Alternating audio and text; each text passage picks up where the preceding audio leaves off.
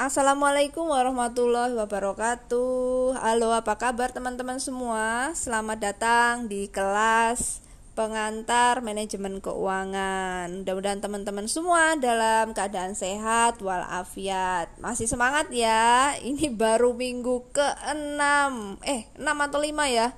6 berarti. Oke, dua minggu lagi UTS. Nah, kali ini kita akan membahas masih sama sih dengan minggu lalu yang berkaitan dengan manajemen resiko. Kalau di minggu 4 itu baru pengenalan manajemen resiko ya.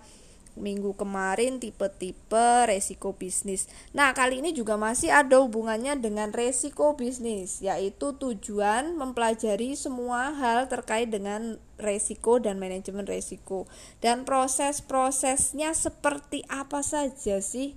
Memanage resiko tersebut dan yang terakhir adalah manajemen krisis. Jadi ada tiga ya subbab yang akan kita pelajari pada minggu ini yaitu tujuan dari manajemen resiko, proses manajemen resiko dan bagaimana manajemen krisis. Jadi beda ya krisis dan resiko. Oke, kita masuk saja di subbab yang pertama nih, yaitu tujuan manajemen resiko. Nah, ini sebenarnya apa ya? Manajemen resiko itu tujuannya. Nah, seperti yang kita ketahui, resiko adalah dampak yang nanti mengikuti dari sebuah keputusan bisnis. Tentu saja, baik dampak positif maupun negatif, perlu ada yang namanya tindakan preventif. Nah, itu disebut dengan manajemen resiko secara umum. Lalu tujuannya apa sih supaya di manage kok harus di di uh, di manage dengan baik yang namanya dampak walaupun itu positif dan negatif ya. Ya tentu saja perlu ada yang namanya tujuan uh, memanage baik itu dampak positif maupun negatif. Tujuannya apa? Di sini kan perlu yang namanya metode berpikir logis dan sistematis dalam mengidentifikasi atau memilah-milah mengukur merespon dan mengendalikan serta mengevaluasi dari resiko yang ada ya.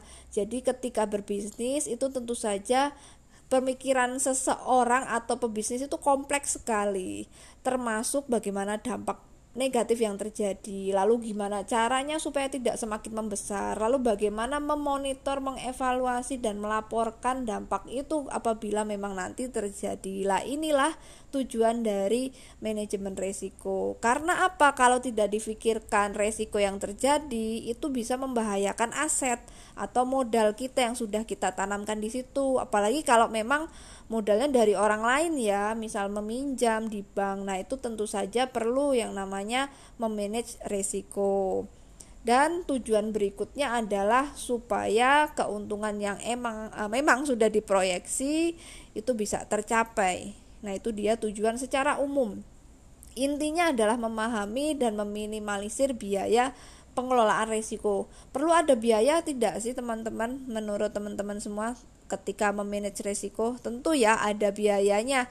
Nah, di sini biaya yang dimaksud itu untuk tim atau orang yang memang bekerja mengendalikan e, resiko atau dampak-dampak yang ada. Biasanya kalau e, teman-teman bermain investasi di situ ada manajer investasi di mana mereka ini memantau harga e, saham atau harga apa namanya aset yang mereka tanamkan di bursa efek itu harus tetap stabil. Nah, semisal terjadi penurunan di bawah IHSG misalnya, nah tentu saja apa yang harus dilakukan seorang manajer investasi ini pasti sudah ada tindakan-tindakan preventif yang mereka lakukan. Nah, ini yang dimaksud dengan bagaimana mereka memanage risiko yang ada.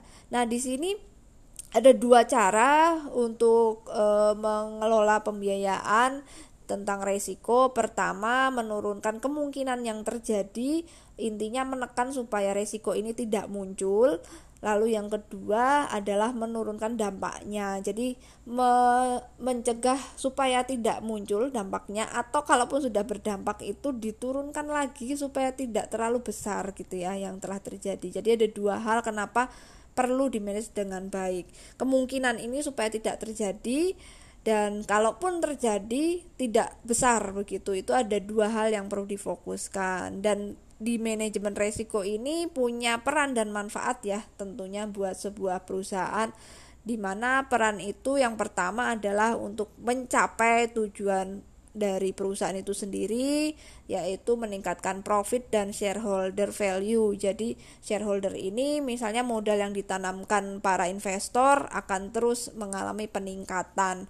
Lalu yang kedua memberikan informasi untuk keputusan yang tepat apabila nanti memang menghasilkan keuntungan yang lebih besar. Kan kalau misal bisnis ketika kita dapat untung uh, bukan terus kita menikmati selesai tidak tapi ada proses ya di situ bagaimana harus membagikan dana yang ada di perusahaan itu supaya dimasukkan ke pos-pos yang tepat apakah di jadikan dana untuk modal berikutnya atau melakukan pembiayaan hutang dan sebagainya. Jadi itu yang perlu dilakukan uh, seorang uh, manajer resiko di mana harus mengetahui hal-hal tersebut. Lalu yang ketiga untuk mengurangi kesalahan yang fatal. Jadi gunanya belajar manajemen resiko itu supaya tidak terjadi kesalahan fatal. Kesalahan fatal itu apa sih?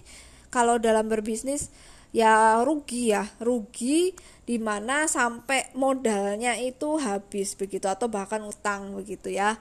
Nah, rata-rata resiko ini harus kita tanggung atau kita pahami di awal seperti yang sudah dijelaskan di minggu lalu. Misal kalau ingin punya tempat penginapan tuh di daerah wisata yang rawan gempa atau rawan bencana alam misalnya ya. Nah, tentu saja itu ada resiko-resiko untuk e, terjadi hal-hal tidak diinginkan. Nah, supaya tidak seperti itu bagaimana? Nah, inilah tujuan dari manajemen resiko. Yang keempat, peran dari manajemen resiko adalah harus tahu atau kita bisa mengetahui sebagai seorang pebisnis bahwa resiko itu bisa terjadi di setiap aktivitas operasional bisnis dengan tingkatan di mana pun begitu. Jadi mau dari level manajer tingkat bawah, menengah maupun e, manajer puncak itu harus sadar bahwa akan terjadi suatu dampak baik positif maupun negatif. Tentunya yang negatif ya yang perlu difokuskan karena kalau dampak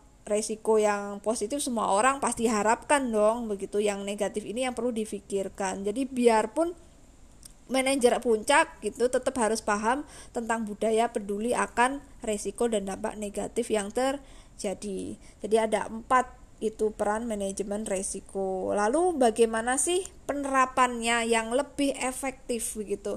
Untuk bisa lebih efektif lagi ada empat hal yang harus dilakukan. Yang pertama harus diawasi dengan ketat oleh dewan komisaris atau bahkan CEO-nya sendiri atau bahkan dewan direksinya atau pemiliknya.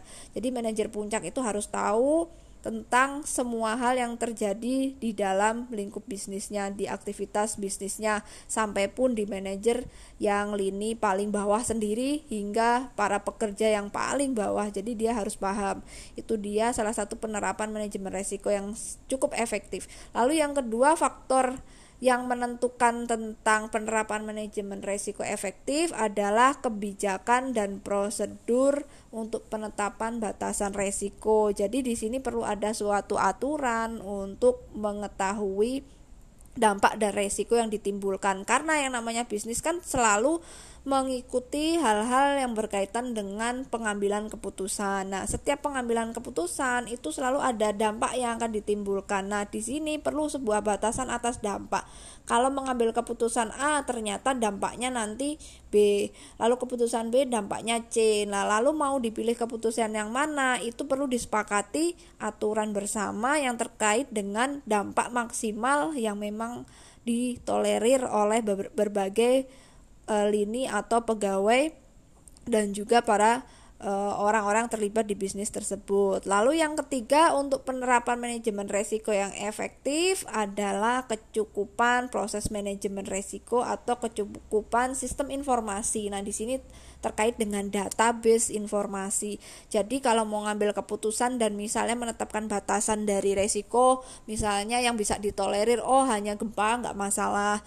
Tapi kalau misalnya nanti e, gempa saya tidak tidak mau jadi tidak mau investasi di daerah e, misal di utara gitu ya di Kaliurang. Nah itu otomatis eh, orang-orang yang terkait di bisnis itu perlu e, satu suara dan mengambil sebuah keputusan dan dibikin peraturan. Jangan di daerah seperti itu daerah yang aman saja. Lalu habis itu perlu data lagi perlu data yang lebih lengkap. Daerah aman itu mau daerah mana? Misalnya Jogjanya di sebelah mana? Mana yang e, dirasa uh, keamanannya sedang. Nah, itu butuh sebuah informasi yang lengkap yang terkait dengan pengambilan keputusan. Dan yang keempat supaya bisa efektif adalah sistem pengendalian internal. Ini adalah yang paling paling penting ya. Jadi ketika semua informasi sudah didapat, batasan maksimal akan resiko serta pengawasan aktif dari manajemen puncak yang terakhir itu harus dikendalikan. Jadi setiap informasi yang keluar dan masuk, keputusan yang dibuat, apa pun yang dilakukan di lapangan hasil dari keputusan itu terus harus dikendalikan oleh pihak-pihak yang memang bertanggung jawab atas penerapan manajemen resiko itu tadi adalah empat hal yang terkait bagaimana menerapkan manajemen resiko dengan efektif teman-teman semua. Nah lalu kita akan bahas lagi tentang pentingnya nih. Tadi sebenarnya penting tidak penting wajib ya kalau yang namanya resiko itu pasti selalu menghantui mengikuti dari sebuah bisnis nah pentingnya apa sih semua usaha itu harus menerapkan bagaimana mengendalikan dampak negatif dari kegiatan usaha kenapa penting karena satu untuk memenuhi kriteria atau e, kebijakan yang ada di sekitar e, lingkup bisnis. Tentu saja kalau punya usaha kita kan harus ngikut aturan ya yang ada di wilayah tersebut. Nah, tentu saja kalau sudah tahu aturannya ya kita harus ikuti. Kalau tidak diikuti nanti akan ada resiko yang akan ditanggung. Misalnya saja sekarang kan lagi musim pandemi ya, musim PPKM masih terus diperpanjang walaupun sudah diturunkan levelnya ya teman-teman. Nah, di situ ada dampak resiko tentu saja ya e, tetapi di daerah pariwisata itu sudah benar-benar e, tidak bisa lagi untuk e, istilahnya untuk terus-terusan mengikuti sebenarnya ya tapi regulator atau si pembuat kebijakan di pemerintah kan tidak memperbolehkan untuk e, dibuka misalnya seperti itu. Nah, kalau dibuka nanti resikonya apa? Oh, mungkin ditegur atau dilakukan penyegelan dari unit usaha. Nah, inilah kenapa juga manajemen risiko perlu dipelajari. Jadi kita tahu apa yang akan kita dapatkan nih sebagai pelaku bisnis kalau kita tidak mengindahkan atau tidak mengetahui aturan yang saat ini sedang diberlakukan yang memang punya dampak ke usaha kita begitu. Lalu yang kedua kenapa kita harus belajar, kenapa penting manajemen risiko itu kedua adalah supaya kita bisa mencapai tujuan yang sudah ditetapkan di depan tujuan berbisnis ya tentu saja sebagai pelaku bisnis apa sih tujuannya? Ya tentu saja dapat untung gitu ya balik modal seperti itu. Terus usaha kita laku permintaan tinggi permintaannya terus mengalami peningkatan bukannya sepi begitu. Nah tujuan mengelola resiko adalah supaya kita cepat mendapatkan profit itulah pentingnya menerapkan manajemen resiko. Baik, lalu kita lanjut lagi ya untuk proses manajemen resiko seperti apa sih proses dan alurnya, bagaimana cara menerapkan dan melakukan sebuah tindakan dari semua entitas atau semua pihak-pihak yang terkait dari pelaku bisnis ini untuk melakukan sebuah manajemen resiko. Tapi tentu saja sebelum kita pahami proses, kita harus pahami dari definisi manajemen resiko itu seperti apa.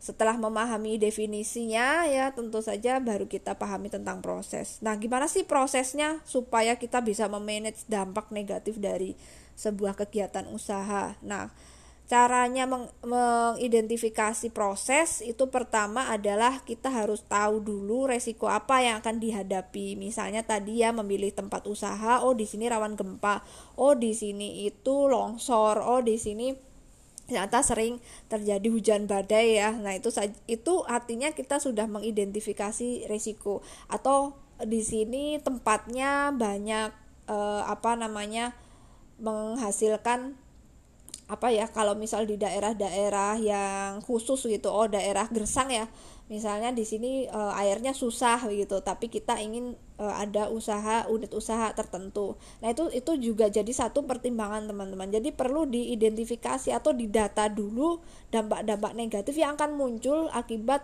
Eh, ketika kita menempatkan unit usaha di situ. Itu perlu di, dilakukan pendataan. Ini yang dimaksud dengan identifikasi ya supaya kita tahu prosesnya bagaimana memanage dengan baik nanti. Nah setelah kita data dulu apa dampak-dampak yang akan kita hadapi.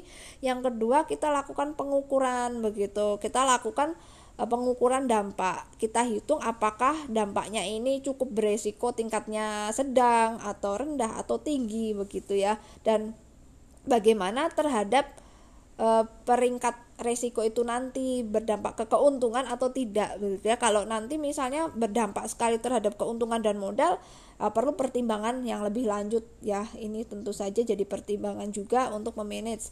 Yang ketiga adalah merespon dan mengendalikan resiko. Jadi setelah kita data dampak yang akan terjadi lalu yang kedua kita lakukan pengukuran apakah resikonya tinggi atau tidak atau sedang baru kita merespon dan mengendalikan gitu. Oh ternyata dampaknya besar nih di sini. E, rawan bencananya tingkat tinggi karena misal dekat gunung merapi tapi pengunjungnya tinggi begitu banyak ini cukup prospek ya misalnya. Atau mungkin kita mau bikin penginapan di daerah Gunung Kidul. Nah tapi di sini tuh kan rawan eh, apa namanya gempa begitu. Lalu selain itu tempatnya juga uh, sulit air gitu ya. Sulit air atau cadas susah untuk dibangun. Nah itu kan resiko-resiko yang mungkin terlihat. Nah lalu bagaimana meresponnya mengendalikannya? Apakah kita lakukan misalnya untuk dikendalikan dengan cara Eh, ber, ber, berbagai hal ya. Bisa saja dengan pemilihan tempat yang mungkin tidak terlalu di titik gempa atau di daerah kotanya atau di tepi pantainya. Jadi bagaimana merespon itu adalah melakukan berbagai pilihan atas pengukuran yang sudah dilakukan sebelumnya. Lalu yang keempat proses yang dilakukan sebagai uh, manajemen resiko adalah memonitor dan melakukan sebuah pelaporan. Jadi tentu saja ini perlu turun ke lapangan teman-teman. Jadi perlu tahu langsung tahu dan uh, mencocokkan data yang ada. Setelah diidentifikasi diukur uh, lalu direspon dikendalikan bisa tidak dialihkan supaya nanti resikonya tidak terlalu tinggi atau resikonya jadi sedang minimal atau sedang bahkan jadi minim. Lalu dilaporkan dicatat kembali untuk bahan pertimbangan evaluasi dan juga pengambilan keputusan berikutnya jadi seperti itu kurang lebih ya untuk e, proses manajemen resiko. Tentu saja di sini tidak bisa lepas dari yang namanya awareness atau kesadaran akan sebuah resiko dan mengidentifikasi. Jadi setiap pelaku bisnis atau kita nanti kalau memang ingin punya bisnis harus paham dan sadar betul yang namanya resiko itu selalu ada dan apa saja dampaknya itu kita harus bisa mengerti dengan detail sekali baik itu dari membaca baik dari uh, sosial information yang di kiri kanan kita begitu. Jadi jangan sampai kita tidak tahu bahwa ini dampak yang semua orang sudah pahami dan kita sebagai pelaku bisnis tidak mengerti dan atau ketinggalan informasi. Jadi harus banyak-banyak dapat informasi supaya bisa diidentifikasi atau didata resiko apa saja yang memang berdampak pada nantinya begitu. Nah, setelah itu di assessment ya atau dilakukan sebuah pengukuran gitu. Di assess artinya itu setelah tahu dampaknya kembali lagi dicek secara langsung benar atau tidak kapan sering terjadi gempa misalnya. Kalau sering banget ya sebulan berapa kali ya itu resiko tinggi. Tapi kalau mungkin setahun dua kali ya mungkin bisa diakali dengan struktur bangunan atau mungkin di wilayah-wilayah yang bukan epicentrum misalnya seperti itu ya lalu dengan direspon seperti itu di uh, respon dan kontrol baru nanti dimonitoring. Dimonitoring itu kita misal uh, sudah masuk ke tahap pengambilan keputusan keputusan ya itu bisa dimonitoring. Tapi semisal belum otomatis uh, kita harus cek kembali ya double cek di lapangan dan dilakukan pendataan pelaporan ditulis gitu ya ditulis untuk dilakukan report reporting atau dirapatkan kembali. Nah itu dia yang termasuk proses dari manajemen resiko ada empat. Lalu bagaimana dengan manajemen krisis? Sama atau beda kira-kira manajemen krisis dan manajemen resiko? Nah, manajemen resiko, e, resiko dan krisis itu ada hubungannya teman-teman ya. Kalau krisis itu adalah bagian dari resiko ya, ada suatu kondisi kejadian yang tidak terduga ya yang di mana itu mengancam kelangsungan hidup dari e, bisnis itu sendiri atau menimbulkan gangguan yang cukup signifikan terhadap jalannya suatu usaha yang tadinya normal akhirnya jadi tidak normal. Ya seperti pandemi ini itu krisis ya. Contoh pandemi adalah contoh krisis. Nah ini yang perlu mungkin dipikirkan lagi atau dipelajari oleh semua pelaku bisnis tentang manajemen krisis manajemen resiko mungkin banyak ya yang sudah tahu tapi manajemen krisis itu kan datangnya mungkin tidak rutin atau mungkin uh, sangat tidak terduga begitu Nah, jadi manajemen krisis ini adalah bagian dari manajemen resiko. Kalau melihat dari uh, taksonomi atau struktur bagaimana uh, letak dari krisis dan resiko itu sendiri. Dan dampaknya karena luas ya pelanggan, pekerja, investor dan stakeholder itu mengalami uh, singgungan yang memang signifikan terhadap bisnis. Artinya di sini krisis besar begitu. Nah, ini ada kemungkinan sih krisis bisa diprediksi juga sebenarnya teman-teman. Bisa bisa dihitung ya tapi bisa saja benar-benar tidak bisa diprediksi seperti COVID-19 yang saat ini dihadapin oleh seluruh dunia. Ini adalah krisis benar-benar global crisis kalau orang bilang. Nah, jenis krisis sendiri dibedakan berbagai aspek. Nah, di sini kita harus tahu ternyata eh, COVID-19 itu masuk krisis yang bagaimana sih uh, kriterianya. Nah, kita akan pelajari kriteria krisis dulu nih. Ada tiga. Pertama, finansial, yaitu yang terkait dengan keuangan begitu ya. Nah, yang kedua adalah public relation yang terkait dengan publikasi negatif, yang ketiga adalah strategik uh, strategis krisis atau lingkungan bisnis yang akhirnya mengancam. Nah, di sini ada tiga hal yang atau tiga jenis krisis gitu ya finansial itu terkait keuangan artinya bisa aja ini dari regulasi pemerintah kebijakan pemerintah terkait dengan ekonomi begitu pembatasan ekonomi atau tiba-tiba terjadi keputusan yang terkait dengan ekonomi. Nah, itu finansial krisis yang sifatnya eksternal. Kalau internal, krisis yang dialami dari internal itu sendiri. Misalnya uh, si usaha ini si pemilik usaha ini uh, sedang kekurangan modal atau sedang pilot tiba-tiba likuiditas tidak lancar atau kas dari perusahaan itu mengalami uh, negatif statement atau negatif report. Nah, otomatis di sini terjadi sebuah krisis finansial di tubuh uh, usaha itu sendiri. Yang kedua adalah publikasi negatif atau public relation crisis. Artinya dia dapat impact negatif dari masyarakat, misalnya dapat testimoni yang negatif, uh, dijatuhkan secara sengaja maupun tidak sengaja dari pemberitaan sosial dan uh, media. Ini artinya adalah krisis yang terkait dengan publikasi negatif yang akhirnya berdampak pada reputasi usaha itu sendiri. Banyak ya yang terjadi misalnya gara-gara review, gara-gara vlog atau gara-gara youtuber misalnya merespon negatif tentang suatu usaha akhirnya berdampak. Nah ini krisis juga ya masuk ke kategori dan jenis public relation krisis lalu yang ketiga strategi krisis. Strategi krisis ini tidak mungkin terjadi dari dalam ya kebanyakan dari luar lingkungan bisnis. Ya tadi pandemi yang saat ini terjadi dan covid-19 nih ya itu datangnya dari luar. Biasanya itu mengancam kelangsungan hidup suatu bisnis yang berdampak e, banyak. Dan juga terkait dengan kos konsumen atau customer juga ya. Atau misalnya selain pandemi itu teknologi yang baru saat ini era digital.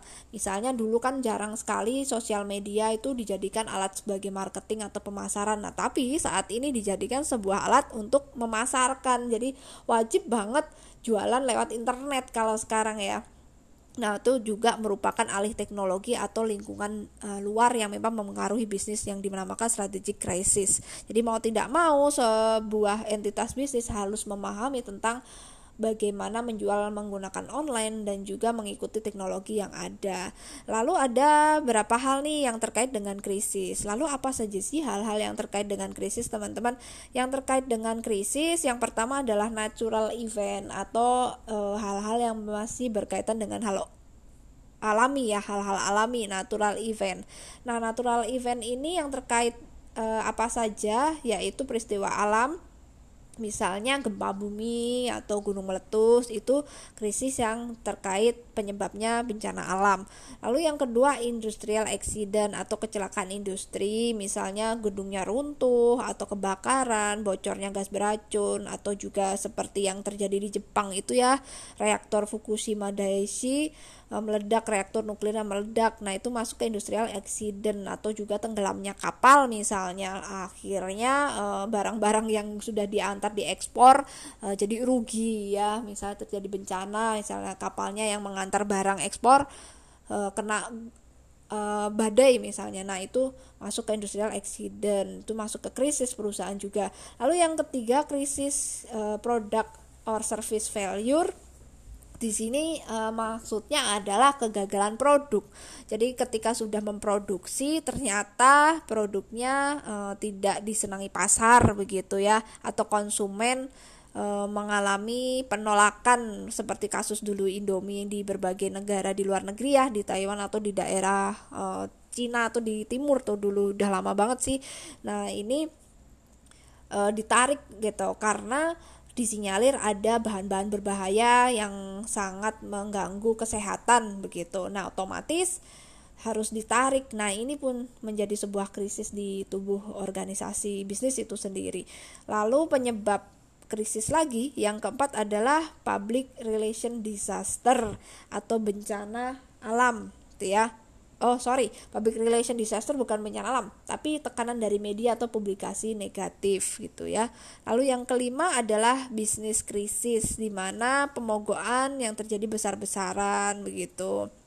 Nah, itu merupakan salah satu contoh krisis yang ada di tubuh bisnis itu sendiri atau konsumen jadi pergi beralih ke tempat yang lain begitu ke kompetitor itu itu adalah bisnis krisis. Lalu yang keenam adanya manajemen krisis di sini pengambil alihan manajemen atau gagalnya manajemen menangani operasional usaha misalnya pembajakan oleh uh, manajer oleh pesaing atau konflik internal antara dewan direksi itu krisis yang ada di tubuh organisasi bisnis sendiri. Lalu yang ketujuh ada krisis regulator atau krisis legal. Di sini penyebab krisis yang ketujuh yang terakhir ini adanya peraturan baru menimbulkan kenaikan biaya usaha. Misalnya akhirnya semua jadi mahal ya seperti waktu itu eh, perusahaan maskapai penerbangan eh, tiba-tiba jadi melonjak ya harganya yang tadinya uh, Citylink 700 ribu jadi 2 juta gitu ya jadi tiga kali lipat. Nah ini akibat dari legal crisis atau regulatory crisis. Ya peraturan baru oleh pemerintah menimbulkan kenaikan biaya misalnya. Nah itu uh, jenis salah satu uh, jenis penyebab krisis ya. Jadi ada tujuh penyebab krisis ya, natural event, industrial accident, product or service failure. Yang ketiga lalu yang keempat public relation disaster akibat uh, publikasi negatif merugikan perusahaan. Lalu yang kelima bisnis krisis, keenam manajemen krisis dan ketujuh legal regulatory krisis yang disebabkan peraturan baru oleh pemerintah yang menimbulkan kenaikan biaya. Oke, itu tadi adalah tujuh penyebab krisis begitu ya. Nah, saat ini sebenarnya e, manajemen krisis itu sudah mencakup identifikasi, mendata krisisnya seperti apa, membuat perencanaan untuk meresponnya, lalu mengendalikannya supaya tidak berdampak lebih besar lagi dan menjadi resiko yang berbahaya serta bagaimana mengatasi solusinya. Itu itu salah satu e, proses dari manajemen krisis ya, mengidentifikasi, merencanakan, mengendalikan dan memberikan sebuah solusi atas krisis. Nah, saat ini tampaknya sih perusahaan ya teman-teman sudah menaruh perhatian yang besar ya terhadap uh, bagaimana memanage sebuah krisis yang memang nanti terjadi atau uh, tidak terprediksi akan terjadi. Bagaimana sih cara menaruh perhatiannya ya? Misalnya krisis bencana alam gitu atau terorisme uh, dampaknya tuh kan ekstrim ya sehingga perusahaan termotivasi begitu untuk akhirnya mengelola Nah, biasanya bencana alam ya. Bencana alam itu akhirnya membuat e, para pengusaha ini termotivasi untuk bagaimana membuat solusi-solusi yang baik. Lalu ada juga perusahaan akhirnya menaruh perhatian pada kesadaran hukum masyarakat. Jadi perlu memahami adanya aturan yang ada di sekitar eh, lingkup bisnis. Lalu perkembangan teknologi informasi juga menjadi perhatian. Kembali lagi ketika e, memasarkan sudah harus menggunakan online, menggunakan sosial media, Instagram, YouTube dan sebagainya, menyewa influencer. Nah, itu pun menjadi salah satu e, krisis ya yang tadinya tidak laku e, harus mengikuti teknologi yang ada supaya biar laku bagaimana caranya akhirnya mengikuti perkembangan teknologi karena itu merupakan bagian dari e, salah satu dampak e, resiko yang memang ditimbulkan di lingkungan bisnis. Lalu yang keempat adalah media. Kenapa memang harus menaruh perhatian karena media itu cenderung sifatnya itu gencar mempublikasikan berbagai macam informasi yang pun nanti bisa e, menimbulkan sebuah krisis bagi perusahaan itu sendiri apabila yang informasi diinformasikan adalah yang negatif atau yang tidak mengenakan dan tidak menguntungkan bagi perusahaan itu sendiri. Oke, lalu gimana sih caranya untuk mencegah krisis gitu ya? Bagaimana cara mencegah krisis? Nah, cara mencegah krisis bisa dengan cara membuat perencanaan teman-teman. Jadi diproyeksikan dulu ya hasilnya apa nih? Saya mau untung sekian kalau punya bisnis A begitu. Gimana cara membuat perencanaan yang tepat? Nah, setelah dilakukan sebuah perencanaan baru diambil sebuah keputusan. Intinya eh, setiap perusahaan itu harus membuat perencanaan yang tepat begitu. Oke, kalau sudah melakukan sebuah perencanaan eh, perlu adanya perencanaan darurat juga gitu ya perlu ada perencanaan darurat. Nah kenapa perlu ada perencanaan darurat begitu ya? Nah karena keadaan buruk itu dan krisis biasanya terjadi eh, sangat tidak diprediksi sehingga butuh namanya rencana darurat ya wajib namanya contingency plan contingency plan. Dan itu harus diupdate jadi yang namanya rencana darurat itu harus selalu diupdate ya. Contohnya e, gempa bumi. Nah, misalnya di Jepang itu selalu ada yang namanya e, kegiatan untuk simulasi, pelatihan, e, evakuasi di perusahaan-perusahaan yang memang itu ada di wilayah yang rawan gempa. Nah, ini perlu dilakukan juga nih misalnya untuk di Indonesia ya di Pulau Jawa di selatan Jawa ini misalnya di e, daerah Gunung Kidul itu ya memang epicentrum gempa dan memang di daerah e, lokasi patahan bumi yang di selatan ini. Otomatis usaha-usaha ataupun perusahaan yang memang nanti di wilayah Gunung Kidul nih harus rutin melakukan pelatihan e, kepada karyawan yang memang e, perusahaan ini memang diletakkan atau berada di lokasi uh, Gunung Kidul gitu ya. Mungkin seperti itu ya contoh untuk rencana darurat. Jadi pelatihan ini bisa bentuknya simulasi kejadian karena ini krisis gitu ya.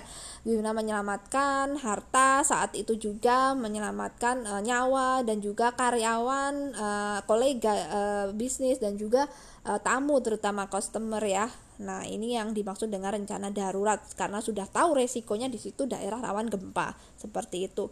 Nah, gimana sih tindakan penyelesaian krisis yang efektif gitu ya? Caranya e, dengan cara dinilai dulu teman-teman. Dinilai dengan objektif ya penyebab krisisnya tuh apa. Jadi ketika nih, ketika e, misal sudah terjadi krisis keuangan di dalam tubuh e, usaha atau unit bisnis, ya otomatis ya harus dinilai di diinvestigasi dulu apakah ini penyebabnya karena e, produksi e, butuh biaya yang besar. Oh, karena marketing butuh biaya besar. Oh, karena tidak laku penjualannya atau memang lagi terjadi penurunan penjualan atau pasar sedang lesu seperti itu. Jadi harus dilakukan dulu penilaian secara objektif akibat krisis yang terjadi di tubuh organisasi bisnis ini. Nah, setelah tahu dinilai ya harus ditentukan yang mana yang tepat dan punya dampak jangka pendek dan juga jangka panjang seperti itu ya. Tindakan menyelesaikan krisis itu tidak bisa langsung menduga-duga. Harus ada data dinilai dengan baik dan benar. Habis itu dinilai dampaknya jangka pendek jangka panjang dan diproyeksikan ya kemungkinan terbesar terjadi krisis itu seperti apa dan bagaimana dan fokus pada sumber daya mitigasi eliminasi krisis. Artinya e, bagaimana melakukan pelatihan pelatihan rencana darurat karena adanya krisis yang terjadi di tubuh organisasi bisnis. Lalu juga mencari sebuah kesempatan yang timbul gitu ya karena adanya krisis. Jadi kita harus cari lagi nih mana yang bakal bikin potensi krisis gitu ya oh ini rawan dikasih review yang jelek kalau kuliner misalnya. Ya itu kan udah tahu ya habis itu kita nilai yang baik. Kalau didapat review jelek yang mana nih? Kenapa bisa seperti ini? Dampaknya apa? Lalu gimana caranya supaya ini tidak terjadi supaya tidak dinilai negatif lagi oleh konsumen? Kita perlu lakukan sebuah evaluasi begitu. Baik Lalu yang terakhir adalah pemulihan bencana. Setelah kita pahami bagaimana menyelesaikan krisis yang efektif, baru kita lakukan pemulihan bencana. Nah, pemulihan bencana ini artinya apa sih? Nah, seperti ini. Misalnya bencana itu diartikan sebuah kerusakan uh, operasi bisnis atau bagian yang signifikan dari bisnis itu sendiri disebabkan berbagai hal. Misalnya berpotensi menimbulkan uh, kerugian, kerusakan di alat-alat maupun data, data ya, informasinya jadi hilang. Misalnya gempa kan, kantornya kena gempa, ya otomatis komputernya rusak, datanya hilang begitu ya. Nah, perlu di situ uh, ada yang namanya mitigasi bencana. Apakah datanya disimpan di server di luar negeri di Google Drive atau dilakukan sebuah backup data maupun kerugian uang ya? Misalnya di situ ada uang cash yang disimpan di kantor. Lah otomatis kan mengalami kerugian ada potensi begitu. Nah bencana kan memang sering tidak bisa dihindari atau memang seringnya tidak bisa dihindari sehingga uh, ini bisa saja terjadi banyak resiko. Contoh lain ada resiko politik nih teman-teman. Misalnya ya di negara-negara yang rawan konflik atau di kudeta militer atau sering terjadi perang gitu ya. Nah, ini pun e, perlu terjadi e, menjadi perhatian untuk e, perusahaan yang memang ada di lokasi yang rawan seperti ini itu sehingga penting banget dengan manajemen resiko. Nah, berikut ini contoh yang terkait dengan respon mengendalikan resiko begitu ya. Gimana sih cara mengendalikan resiko dengan baik dan benar dan memulihkan resiko yang ada. Misalnya safety plan untuk kebakaran gitu. Sehingga gimana nih e, pengendaliannya atau e, mengurangi dampaknya untuk e, bencana atau krisis e, kebakaran. Misalnya bangunannya harus layak yang anti kena api gitu atau ketika terjadi kebakaran tidak langsung habis gitu ya. Atau instalasi listriknya harus aman ada pintu daruratnya ada alat deteksi asap ada pemadam kebakaran dan ada pelatihan untuk evakuasi dan simulasinya seperti itu. Ada prosedur yang jelas menyelamatkan diri ada jalur evakuasi yang dibuat. Nah itu manajemen resiko. Misal aja di kampus ya eh, akhir-akhir ini atau berapa tahun terakhir ketika membuat gedung yang baru di situ ada e, bagaimana jalur evakuasi, ada panahnya. Nah, ini otomatis e, kampus kita sudah menyadari pentingnya manajemen krisis dan juga manajemen resiko begitu. Nah, nanti kalau bencana banjir dan air itu diatasi dengan plafon dan lantai yang tahan air, ada drainase yang baik yang memadai. Lalu untuk pengendalian terorisme misalnya itu gimana? Nah, ini otomatis harus bisa e, menyimpan aset gitu ya menyimpan aset yang baik kalau tiba-tiba diserang sama separatis gitu nah ini harus e, kerjasama dengan berbagai pihak keamanan atau pihak kepolisian dan juga pembuat kebijakan seperti itu. Jadi harus kerjasama berkonsultasi dengan pihak-pihak kepolisian misalnya ya. Lalu bencana yang terjadi kerusakan tiba-tiba tidak disengaja tidak bisa dicegah ini perlu disikapi dengan bijaksana dalam berperilaku dalam bekerja. Jadi perlu kehati-hatian. Tentunya penataan ruang kerja yang ergonomis dan aman untuk mengatasi krisis perlu juga diperhatikan dengan jelas begitu ya. Nah, untuk pemulihan bencana yang sifatnya jangka panjang itu umumnya banyak ya yang bisa dilakukan misalnya dengan personal manajemen, dengan recovery, dengan standby prosedur dan sebagainya. Ada berbagai hal yang terkait rencana pemulihan bencana. Itu ada sebuah uh, ada ilmunya khususnya untuk memulihkan bencana-bencana. Kalau misal sudah terjadi kebakaran gimana caranya sih supaya perusahaan ini tetap berdiri? Uh, kalau sudah terjadi gempa gimana menyelamatkan asetnya? Kalau terjadi serangan teroris gimana nih caranya untuk usaha ini tetap bangkit lagi? Nah, itu harus dipikirkan juga sebagai seorang pemilik bisnis. Baik, teman-teman, itu mungkin yang bisa saya jelaskan yang terkait dengan materi pada minggu hari ini. Apabila ada pertanyaan, silakan Anda uh, tanyakan saja di grup WhatsApp kelas kita tentang pengantar manajemen keuangan. Jangan lupa langsung mengerjakan di bagian kuis dan tugas untuk minggu ini ya. Saya tunggu teman-teman semua untuk memberikan pertanyaan atas respon materi hari ini. Sampai ketemu lagi minggu depan di materi yang lainnya. Selalu jaga kesehatan, tetap semangat. Wassalamualaikum warahmatullahi wabarakatuh.